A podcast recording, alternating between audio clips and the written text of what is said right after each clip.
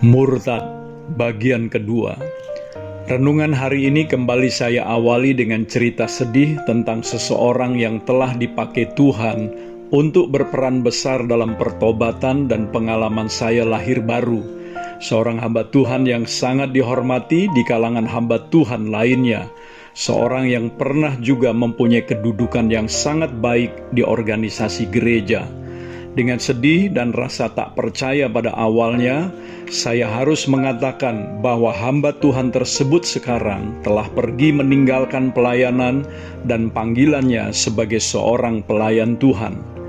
Alkitab memberikan peringatan yang sangat mendesak mengenai kemurtatan dengan tujuan agar kita waspada terhadap bahaya meninggalkan kesatuan kita dengan Kristus dan mendorong kita untuk bertekun di dalam iman dan ketaatan. Dulu saya berpikir bahwa kemurtadan ini tidak akan terjadi pada mereka yang telah lahir baru, tetapi pengalaman dan pengertian akan kebenaran membuka mata saya bahwa seorang pelayan Tuhan sekalipun dapat saja pada akhirnya menyangkali Tuhan. Sebab memang tidak ada satu ayat pun di dalam Alkitab yang mengatakan bahwa setelah kita percaya kepada Yesus, maka kita tidak lagi memiliki kehendak bebas untuk membuat pilihan rohani bagi diri kita sendiri. Kemurtadan adalah pilihan rohani seseorang, butuh waktu dan proses tertentu untuk sampai pada point of no return, di mana ia pada akhirnya benar-benar terputus dari kesatuan dengan Kristus. Di bawah ini beberapa langkah menuju kepada kemurtadan yang harus kita waspadai. Yang pertama, tidak memperhatikan dengan sungguh-sungguh kebenaran atau ajaran firman Tuhan. Ibrani 2 ayat 1 mengatakan, karena itu harus lebih teliti kita memperhatikan apa yang telah kita dengar, supaya kita jangan hanyut di bawah arus. Arus penyesatan sedang melanda dunia ini, karena itu, kita harus lebih teliti memperhatikan kebenaran yang telah kita dengar. Yang kedua, mencintai dunia ini.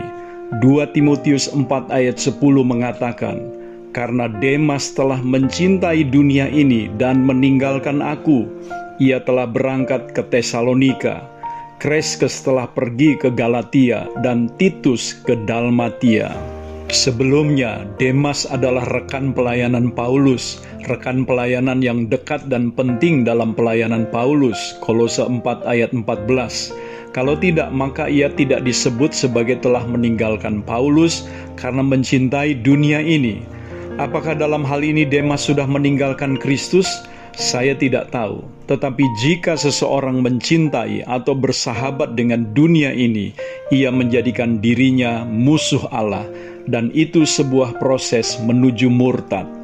Yang ketiga, tipu daya dosa.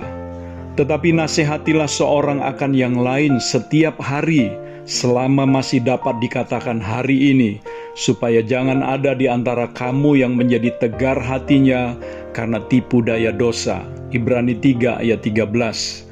Dosa menipu dengan kesenangan dan kenikmatan, namun bersama dengan itu mengikat dan membinasakan manusia. Seringkali orang menolak untuk menerima nasihat. Mereka menjadi keras hati karena tipu daya dosa. Karena itu kita diminta untuk saling menasihati satu sama lain. Saya percaya praktek saling menasehati dalam komunitas sel menolong kita terhindar dari terjerumus ke dalam kemurtatan.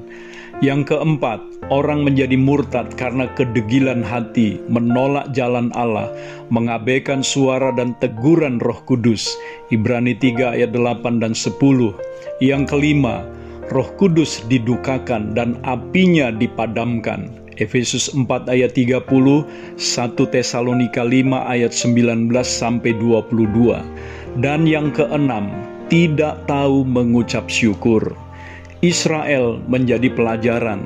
Mereka dikeluarkan oleh Tuhan dari Mesir untuk dibawa masuk ke tanah Kanaan. Tetapi karena mereka bersungut-sungut sepanjang perjalanan di padang gurun, maka angkatan yang berumur 20 tahun ke atas ketika mereka keluar dari Mesir, tidak ada satupun yang dapat masuk tanah Kanaan, kecuali Yosua dan Kaleb. Kitab Ibrani mengungkapkan bahwa mereka sesungguhnya telah murtad dari Allah yang hidup. Ibrani 3 ayat 12 mencatat, Waspadalah, hai saudara-saudara, supaya di antara kamu jangan terdapat seorang yang hatinya jahat dan yang tidak percaya oleh karena ia murtad dari Allah yang hidup. Hati bangsa Israel menjadi jahat karena sekalipun telah melihat perbuatan Allah yang besar, mereka tidak percaya dan bersyukur. Sebaliknya bersungut-sungut ketika kesulitan datang dalam hidup mereka saya percaya tidak mengucap syukur dalam segala hal sebenarnya adalah jalan menuju kepada murtad. Karena kalau orang tidak bersyukur, maka ia akan bersungut-sungut, dan bersungut-sungut sama dengan memberontak kepada Tuhan, karena ia tidak menerima caranya Tuhan memimpin hidupnya. Karena itu, sangat beralasan jika Tuhan memerintahkan agar kita mengucap syukur dalam segala hal, dalam segala keadaan yang kita alami, sebab bersungut-sungut hanya akan memadamkan iman kita. Sebaliknya, jika kita mengucap syukur, itu akan membangun iman kita. Bersungut-sungut bahkan akan membuka peluang kepada kemurtatan. Sebaliknya, mengucap syukur akan membawa kita makin melekat kepada Tuhan. Saudaraku, bersyukurlah. Saya Theo Barahama, Bring Heaven Home. Tuhan Yesus memberkati saudara.